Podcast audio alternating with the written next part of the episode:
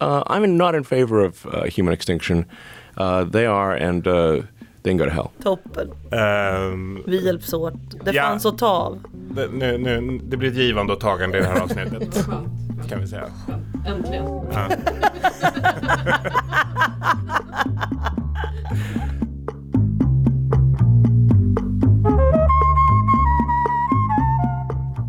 År 2023, i en mörk framtid där woke-viruset sprider sig och ingen längre får säga vad den tänker, sitter vi, tre snorrika influencers och pratar skit i yttrandefrihetens allra sista fyrtorn. Nämligen kommentariatet. Det är jag, Johannes Klenell, kulturredaktör på Arbetet. Med mig har jag Karina Kubisha, ledarskribent på Arbetet. Samt Lotta Ilona Heyrinen, redaktör för Nya Mitten.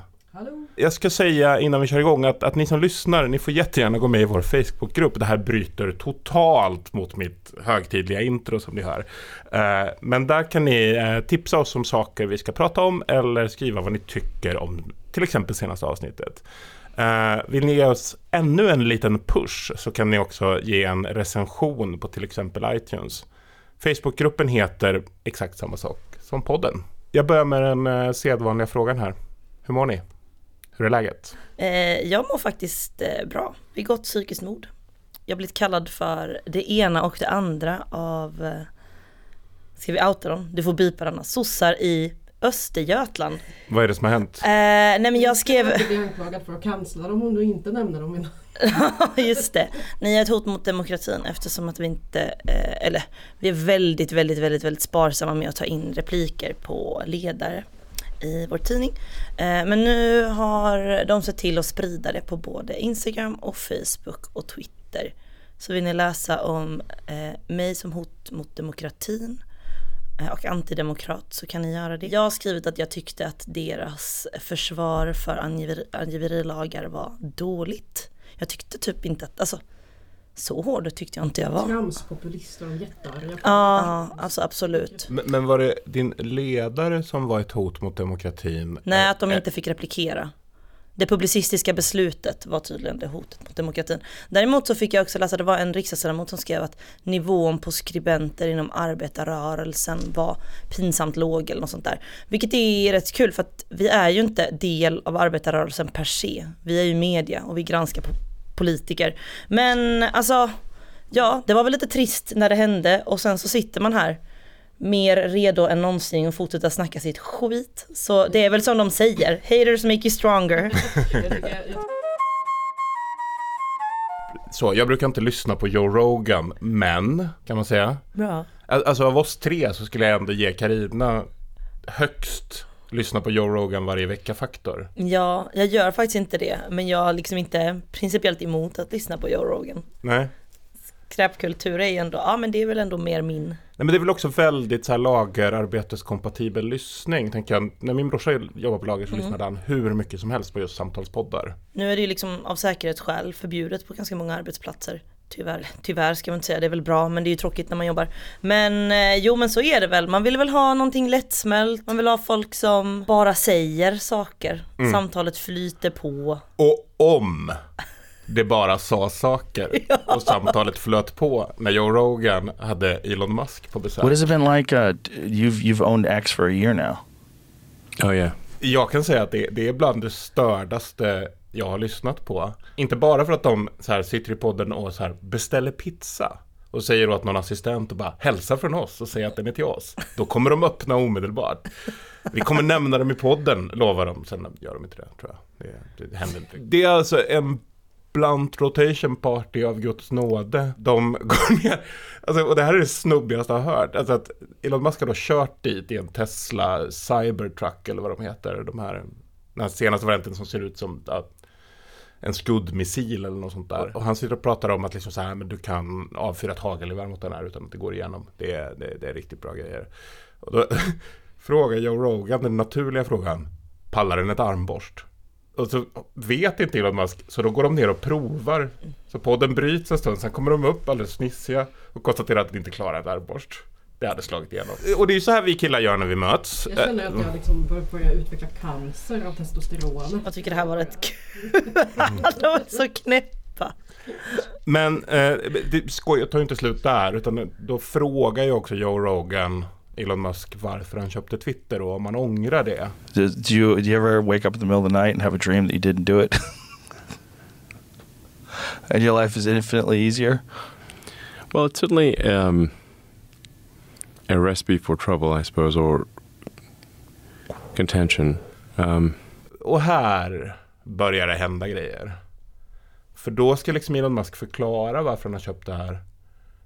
Och landar i I mean, this is going to sound uh, somewhat melodramatic, but I was worried about that that it was having a corrosive effect on civilization. Uh, that it was uh, just having a bad a bad impact, um, and um, I think part of it is that it, it's where it's where it was located, which is uh, you know downtown San Francisco. Um, and while I, I think San Francisco is a beautiful city, and and we should, really fight hard to um, kind of right the ship of San Francisco. If you've walked around downtown San Francisco, right near the ex FKA Twitter headquarters, it's a zombie apocalypse. I mean, it's rough. Är kopplat till att Twitters huvudkontor ligger i San Francisco. Eh, och att extremvänstern har tagit över Twitter. För extremvänstern kan inte själva bygga teknologi. Utan de har stulit den här teknologin av ingenjörerna då. Och spridit sin woke-propaganda. So you have to say, well, what philosophy led to that outcome? And that philosophy was being piped to Earth.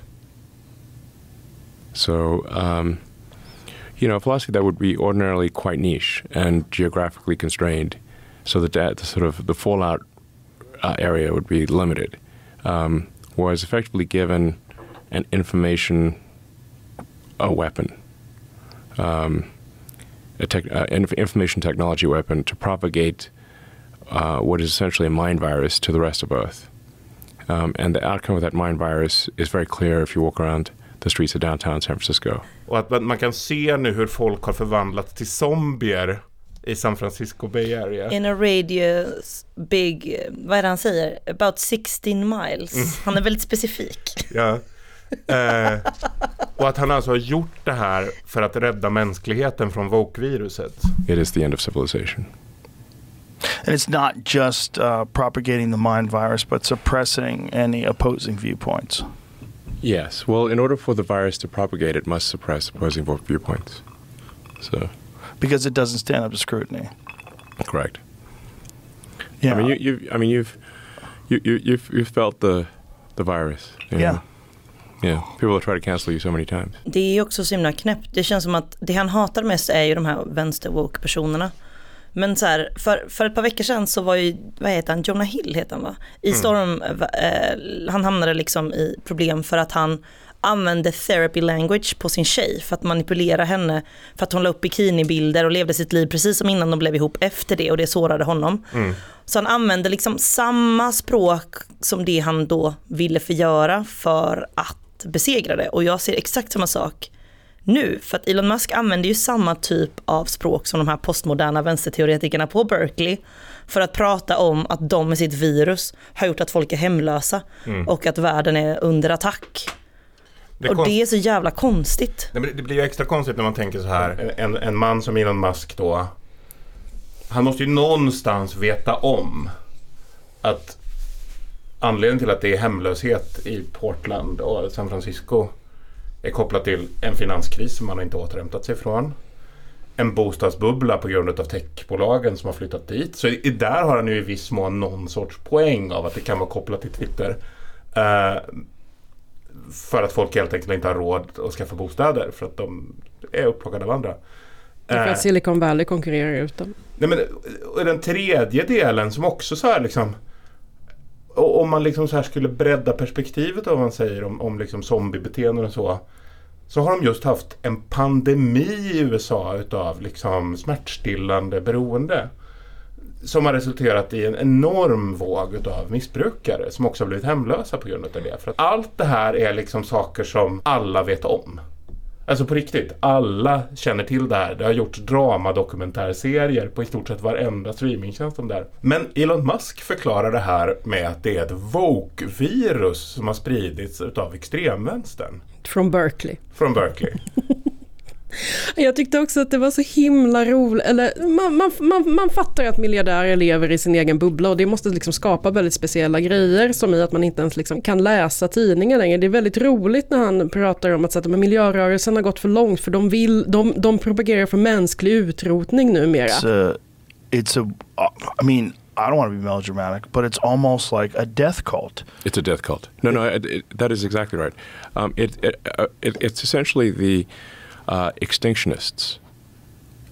Like it's in the limit. It is that they're propagating uh, the extinction of humanity and civilization. Eh, Det var en kille som uttalade sig i New York Times som, från The Extinction Movement. Um, and, and there's some people who are, are like most most of the time it's it's implicit. They don't ex- expli- it's, but sometimes it's explicit.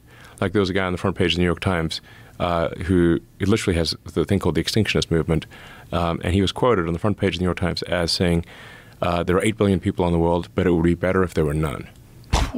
They want to extinct humanity. Man bara, Extinction Rebellion måste väl vara det han menar. Och jag är inte helt säker på att du förstår liksom vilken, vilken betydelse extinction bär i den, i, i den, i den rörelsen. Det finns ju en extrem tilltro till den egna förmågan att analysera. Han säger ju också i det här samtalet att så här, resurserna är oändliga. Vi skulle kunna vara 10 times the population, säger han ju, rakt ut i det här samtalet. Utan att det skulle påverka jorden negativt överhuvudtaget. Det är ju ett skämt.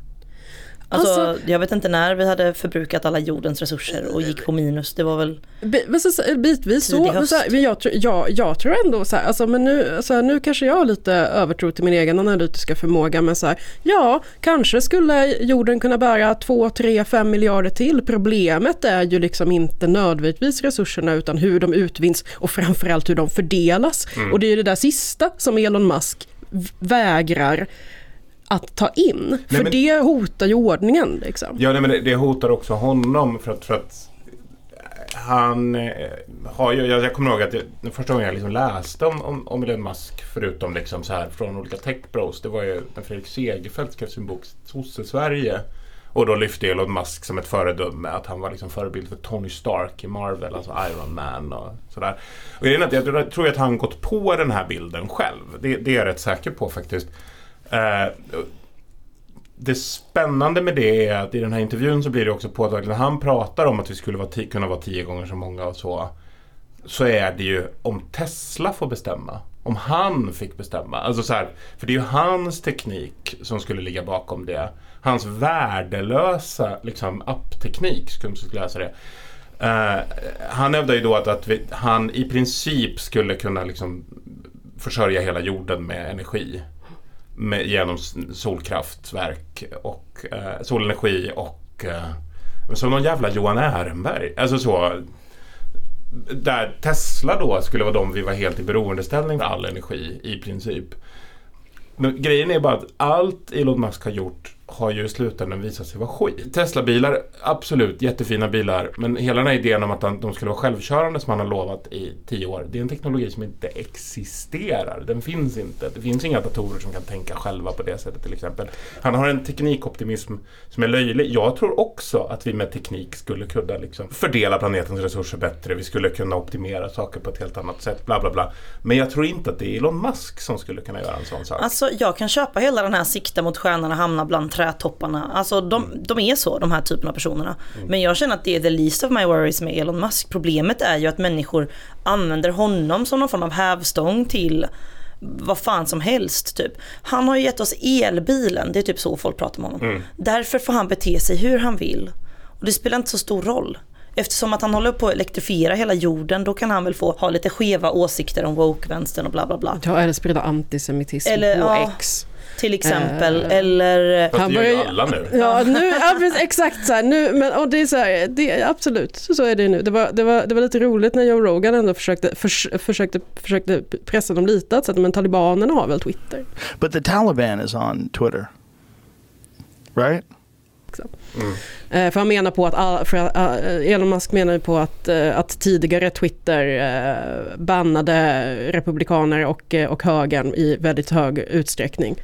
Men, men hotar, man, hotar man folk till livet och så, då, då ska man ju såklart bli bannad. Jag vet inte, det kanske bara var så att extremhögern var väldigt, var väldigt mycket mer profilerad i, i att uppmana till våld, våld och hot och så vidare än vad vänstern var, att det var därför de åkte ut. The far right menar du? Ja. Nej förlåt, the far left. Ja exakt. men Joe Rogan frågar honom om, om så här, men talibanerna har ju Twitter och det första Elon Musk gör är att han börjar sjunga. Like I always think of like Hey Mr. Taliban, tally me a banana. hey Mr. Taliban. I mean, there, but there's definitely some people on Um, Twitter that are. Daylight coming, I wanna go. Yeah. Banana boats. Banana boats. Men det här är ett samtal som har allt. ja Det absolut. är Joe Rogan i peruk, Mm. det är Elon Musk, det är konspirationsteorier, det är virus, teorier om den nya mitten. Ändå, sin egen nya mitt. Åh nej. Teorier om ancient civilizations som Joe Rogan börjar lägga fram om att det för, för 10 000 år sedan fanns en annan civilisation av människor på jorden som man har hittat ruinspår efter utifrån en sån ancient historian. Och det här ger mig någon typ av själslig tröst för det gör att jag kan tänka att om 2000 år då kommer det sitta människor kvar på den här planeten. Och lyssna på s- kommentariatet. eh, Nej, utan det, det, det, så, så, så high hopes har jag inte. Men däremot så kommer de titta på spåren utav vår civilisation och sen när de hittar de här elbilarna och skit då kommer de, all, då kommer de inte prata om Elon Musk utan säga att det här var utomjordingar. Det här var ancient civilizations. De pratar om det här! Nej, lägg av! Och då frågar Joe Rogan Nej. till och med eh, så här, kommer man hitta om 10 000 år en Tesla-bil? Eller kommer den vara helt nedbruten? Och då säger Elon Musk, om den ligger under jord så kan den finnas kvar om en miljon år. Men i fossilt stadie. Ja, men det är fan peak kille på 2000-talet och drömma om fos- fossiliserade Tesla-bilar. Och då har vi inte ens pratat om diskussionen om elektrifiering som också finns. Och sist men inte minst, de pratar ju om AI. Ja, ja. Såklart. Hotet om AI. Ja, Kan nej, vi- nej, nej, nej, nej, nej, nej, vänta. Det är inte hotet mot A, om, från AI. Det är hotet från AI i händerna på woke-vänstern. Um, so you have to say like, how could AI go wrong? Well, if if if AI gets programmed by the extinctionists, it will its utility function will be the extinction of humanity. Det är ju problemet med AI, det har ju alla som har följt den diskussionen, är det är för lite vita rika män som programmerar AI. Jag, jag, jag, sätter mitt, eh, jag, sätter, jag, sätter, jag sätter så mycket liksom utav mänsklighetens värdighet i IF Metalls strejk mot Tesla just nu och det här stärker liksom bara. Bara Ja, för det enda som inte finns, det kan vi konstatera, det finns ju ingen som helst materiell analys. Och det, det enar ju honom med hela den här Berkeley-vänstern. Anti-woke-höger på crack, jag vet inte. Men den är bara ju överallt nu. Jätteweird. Lotta hamnade ju i någon sorts beef med Alice Teodorescu förra veckan. Det har varit bråkvecka. Som handlar om, om, om, om liksom Woke-viruset. woke-viruset på crack. Eh, vår fucking utbildningsminister börjar prata om, om liksom den våldsbejakande woke-vänstern på universiteten. Jag vet inte vad det är. Kan någon berätta för mig? Alltså e- egentligen, helt ärligt så här, de, de, de är det bästa... Fredrik Malm? Jag tror att de bästa att fråga om så här, vad, vad är woke-viruset är väl typ Expo eller folk som har analyserat hur den här idén har utvecklats. Liksom. För, först i extremhögern och senare nu då liksom ätit sig in i det som tidigare var liksom ganska rumsren borgerlighet. Alltså det är ju ganska lätt att följa det här i svensk media på ett sätt. Alltså att det som är woke-viruset, eller det som kallas för woke idag, är ju det som tidigare kallades PK. Sen dog PK-begreppet, man började säga identitetspolitik och nu, nu är det woke-viruset. Eh, och allt det är liksom så här, en slasktratt, dels för allting man inte tycker om, men primärt så är det liksom maktkritiska analyser och strategier och liksom postmoderna teoribildningar som har fötts på, eh, på humanistiska institutioner under typ de senaste 30 åren eller så. De är Ja. inte särskilt dominanta ska sägas, men de finns. Liksom. Och, och, det, och delar utav det har, liksom, har, har ju blivit det som har varit stora liksom, folkliga rörelser under liksom, 90 och 00-talen. Ja fast det är ju Det finns någon sorts föreställning om att det här skulle ha en sån enorm makt. Jag Ja. tänker på det när, när jag hamnade i clinch med Agnes Wold efter hennes utspel om, om uh, att RFSL och uh, Vårdguiden försökte radera kvinnokönet.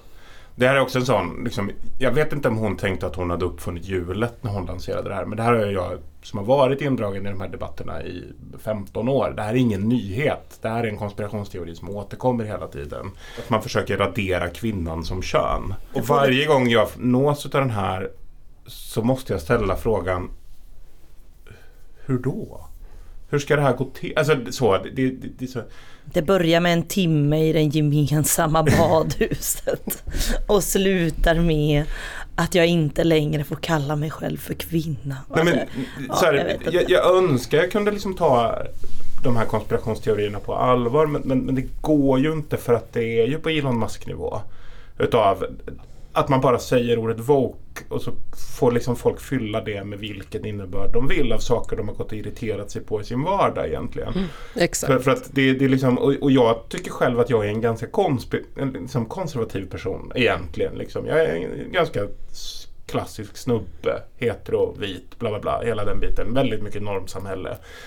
Alice skulle tycka att du, du har gett upp inför woke-viruset när du ens behöver förhålla dig Nej men jag är kanske bara trygg i min snubbighet. jag kanske bara inte känner mig så jävla utmanad hela tiden. För någonting är det ju uppenbarligen som gör att jag blir inte speciellt orolig för det här. Eller känner det. Jag, jag förstår inte riktigt för det första vem som har den här agensen. Och om det nu finns någon som har en agens av att ni bryta ner alla samhällets normer på olika sätt.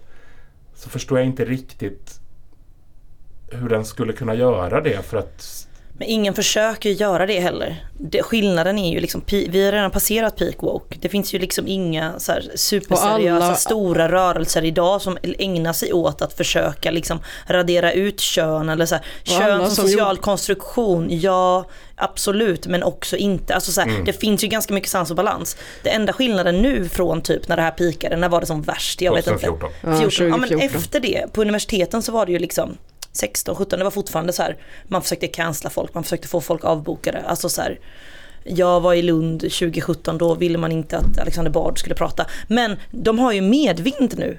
Nu kan de säga vad fan som helst och de får säga det på P1, Nyhetsmorgon, eh, på Twitter för att nu styr Elon Musk där. Alltså så här, det är ju det det handlar om framförallt. Det är ju inte en analys som bygger på hur andra människor beter sig. Men det är också- En analys som bygger på undertryckt jävla ilska Och hämnd. och hämnd. Ja. Hämnd. Ja. Det tycker jag har varit så himla tydligt. Alltså, så här, I och med Israel och Palestina-konflikten som har blossat upp. Och det var ju det, var ju, det, var ju det jag och Alice Teodorescu i slutändan, eh, som, som hon i slutändan blockade, blockade mig över.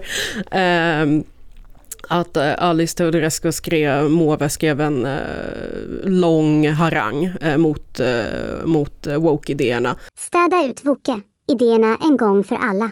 med underrubriken nu måste woke-idéerna rensas ut från universiteten. Vilket är liksom speciellt såklart att ha, att driva en politisk linje som bara det, det är ett problem för den akademiska friheten att, att de bara vill cancella folk hela tiden och, och landa i att nu, nu ska vi Kansler. kansla eh, Men hon menar, ju, hon menar ju på att eh, alltså det finns ju det finns ett upprop på svenska universitet eh, som bland annat vill att man ska av, avsluta alla samarbeten med, eh, med universitet i Israel, vilket är liksom en pangkorkad idé, tycker jag.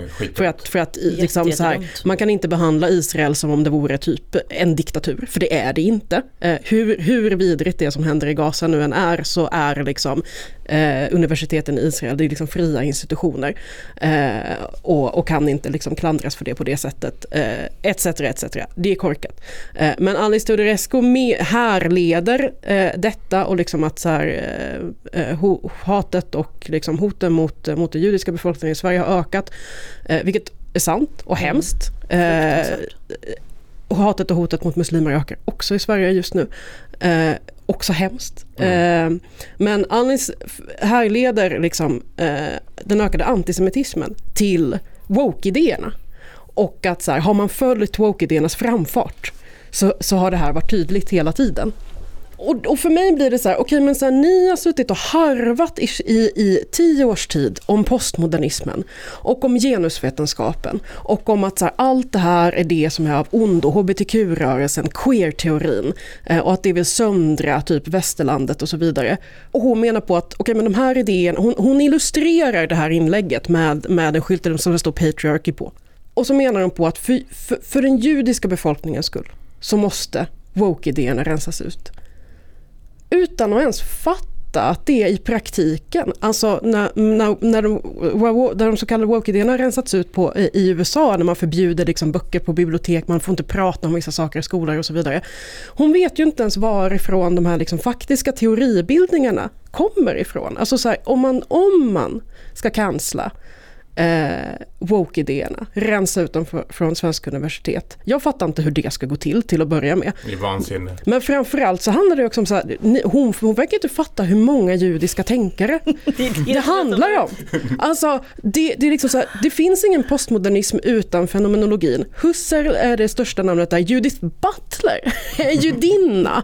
Eh, och, och, när jag skrev det här då var det så himla många rassar som, som, som svarade mig att så här, ja men Alice Teodorescu, hon, hon, kanske, hon, hon tycker inte att folks bakgrund är relevant utan att det är idéerna som spelar roll. Bara så här, okay, så att, så att, men det är, det är helt plötsligt okej att, gotta att, att crack a few rensa. men, precis, precis. Och, eller så här, okej men hur, så här, ska man, ska man, ska man, så, när, när sätter man stopp? Säger man att okej ni får läsa Husserl men ni får inte läsa Judith Butler. Eh, och, och om det är någon som drar liknande slutsatser eller börjar liksom harva runt i lik, liknande filosofiska tankar efter att ha läst, Hus, eh, läst fenomenologi som Judith Butler gjorde eller, eller liksom performativ teori det får inte studenterna tänka längre. Eller får de liksom inte ställa vissa frågor? Får de inte fatta vissa politiska slutsatser? Det är ju det som är det sjuka med den här konspirationsteorin och hur utbildningsministern också riktar in sig på universiteten och det är ju det som hotar den akademiska friheten. För i slutändan så kan det bara landa i att man förbjuder akademin från att ställa vissa frågor. Och, och vill du veta vad det sjukaste med hela den här situationen är? Som jag tänkte på när jag satte mig ner och läste hennes Substack-post om det här.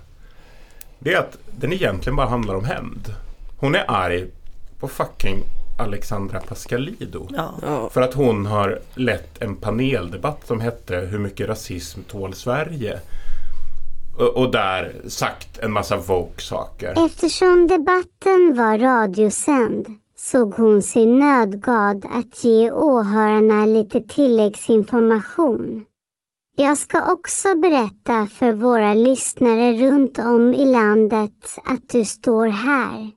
Du är väldigt vacker. Du är väldigt välklädd.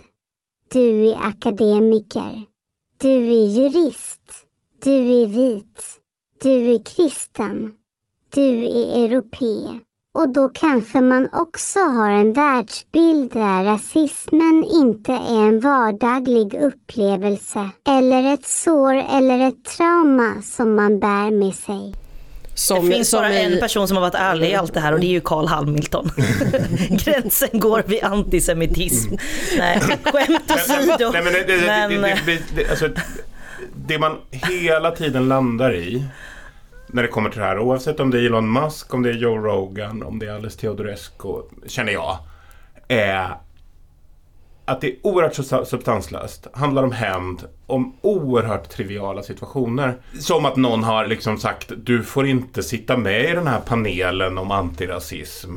För du har inga erfarenheter av rasism, bla bla bla, eller så, 2015. Och det har blivit ett hjärtskärande trauma som vi ska älta på kultursidorna om och om igen.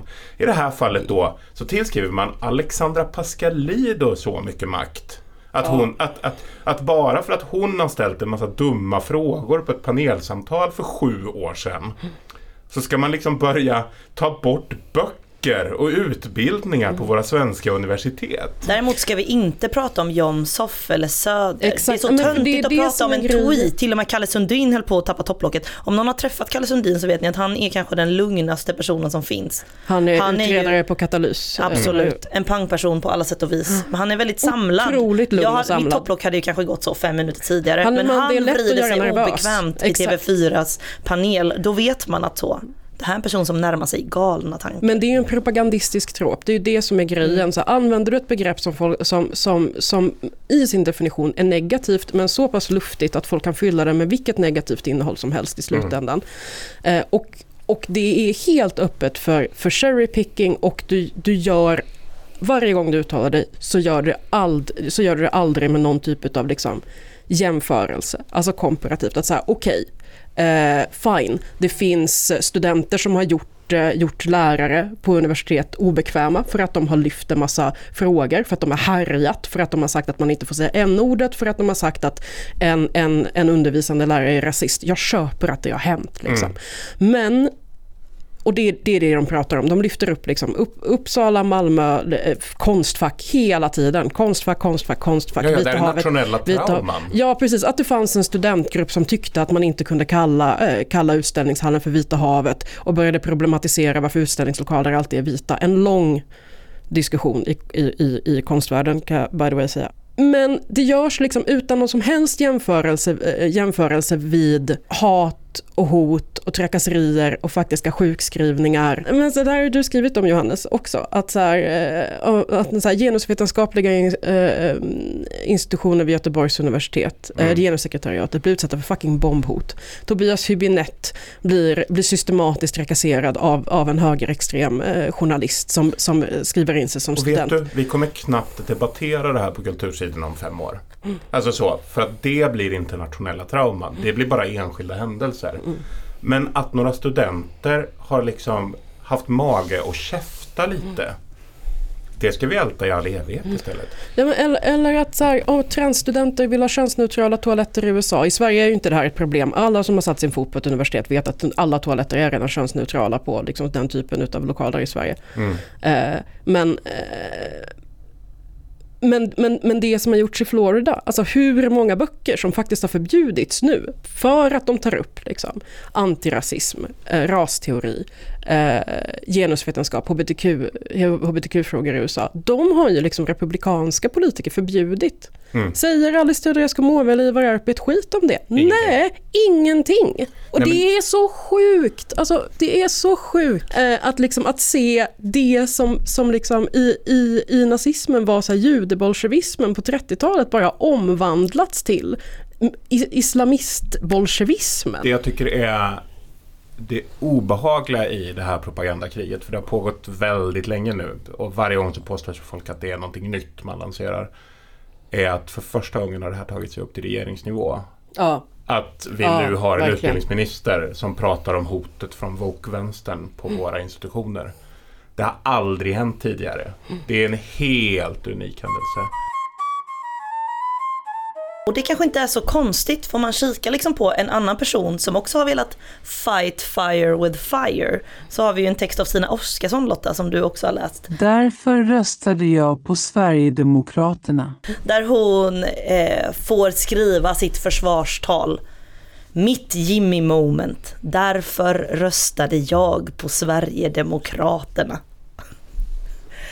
Eh, och Stina Oskarsson då känns som en kulturperson, hon är en tänkare, hon är en person som värnar den individuella friheten.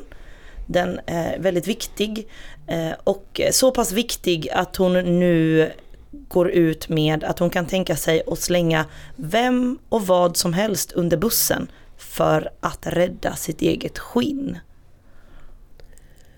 Är det så? Ja, men jag, jag läser texten först. Så här, det, är, det, är ju, det är ändå intressant. Det är många människor i Sverige som har haft Jimmy moments. Det är inte alla som får skriva texter eh, i Svenska Dagbladet om varför. Men hela hennes resonemang kring att rösta på det här partiet som då står emot det hon då påstår är allt hon hatar. Mm. Det är bara klassiskt sossehat. Mm. Jag säger att jag aldrig röstat på deras parti även om jag alltid tänkt att jag den dag jag blir vuxen kommer bli socialdemokrat. Men att det med den politik de idag bedriver är svårt. De lyssnar och till min stora förvåning säger den äldre av dem när jag tystnat att han förstår helt och fullt. Rätt och slätt. Hon lyckas ju på något helt sjukt sätt resonera sig fram till att för att rädda Sverige från Sverigedemokraterna så måste hon rösta på Sverigedemokraterna för annars kan socialdemokratin inte ägna sig åt idéutveckling. Och jag vill bara ställa en öppen fråga till Stina Oskarsson att du är medveten om att det finns andra oppositionspartier fortfarande än Sverigedemokraterna. Nu får de the benefit of the doubt. Men om, om det verkligen är, nej men alltså snälla, det, det är ju jag vet, alltså jag, jag, jag, det var knappt så jag liksom visste vad jag skulle tänka inför det här. Alltså, det är en bisarr text. Men så här, så, här, så, sånt här tänkande kan, kan man liksom ta sig fram till om man, om man, om man bara liksom Tänker fel. Och, och, ja, och är ensam för mycket. Liksom. Ja, alltså det finns ju en grupp människor eh, som inte någonsin kan köpa att de själva inte vet bäst. De kan inte heller köpa att deras frihet på något sätt inskränks, vilket egentligen är att vara del av ett samhälle. Att vara del av ett samhälle bygger ganska mycket på givande och tagande. Men om man inte kan vara med på de här premisserna då blir det väldigt svårt att vara del av ett samhälle. Och då är det såklart att det är mycket lättare att hata på en sosse eh, på olika sätt. Men det här med att tycka det är obehagligt att bli blöt och sen hoppa in i plurret, jag, jag köper inte det överhuvudtaget. Det är lite lustigt det där med Stina Oskarsson och hennes resa bort från socialdemokratin. För den återkopplar i viss mån till vart vi har varit genom hela det här avsnittet. För allting, vet ni vad det började med? Alltså Alexandra Pascalin. Ja, nej, ja, det, det kan faktiskt vara så. För allting börjar med att några rasifierade 25-åringar sa till henne att hon kanske inte var rätt person att sitta i ett panelsamtal om rasism. För ungefär åtta år sedan. Och här började Stina Oskarssons politiska resa någon helt annanstans. Men eh, en grej som jag ändå vill prata om så här. Hon, hon träffar ju på två socialdemokratiska dörrknackare. Mm. Och jag har sett på Twitter att vissa har delat att så här, det här skulle aldrig hända. Saker som aldrig har hänt. Fan, så, saker jag har hört så många gånger. Alltså det enda jag vill säga till alla om man någonsin har hört socialdemokrater prata socialdemokratisk politik. Det här har 100% hänt. Man knackar på, man ber om ursäkt, man säger man I feel you, we're in this together. Snälla låt oss försöka vända det. Vi tror typ att det här är bättre än alternativet. Det är 100% 100% så en socialdemokratisk dörrknack går till. Ta till alla non-believers. Kanske där. inte... alltså jag har garvat så mycket. Det där har nog hänt tror jag. Där tror jag Stina Oskarsson har rätt. ja, och med de orden så avslutar vi den här sessionen med kommentariatet. Men eh, tack så mycket för att ni orkade med och sitta här och gaffla en gång till. Det gjorde Ett ni bra. Ett sant nöje. Ja. Eh, vi är tillbaka om två veckor. Jingeln har gjorts av mina brorsor Simon Elias. Vi ses igen. Hej då! Bye!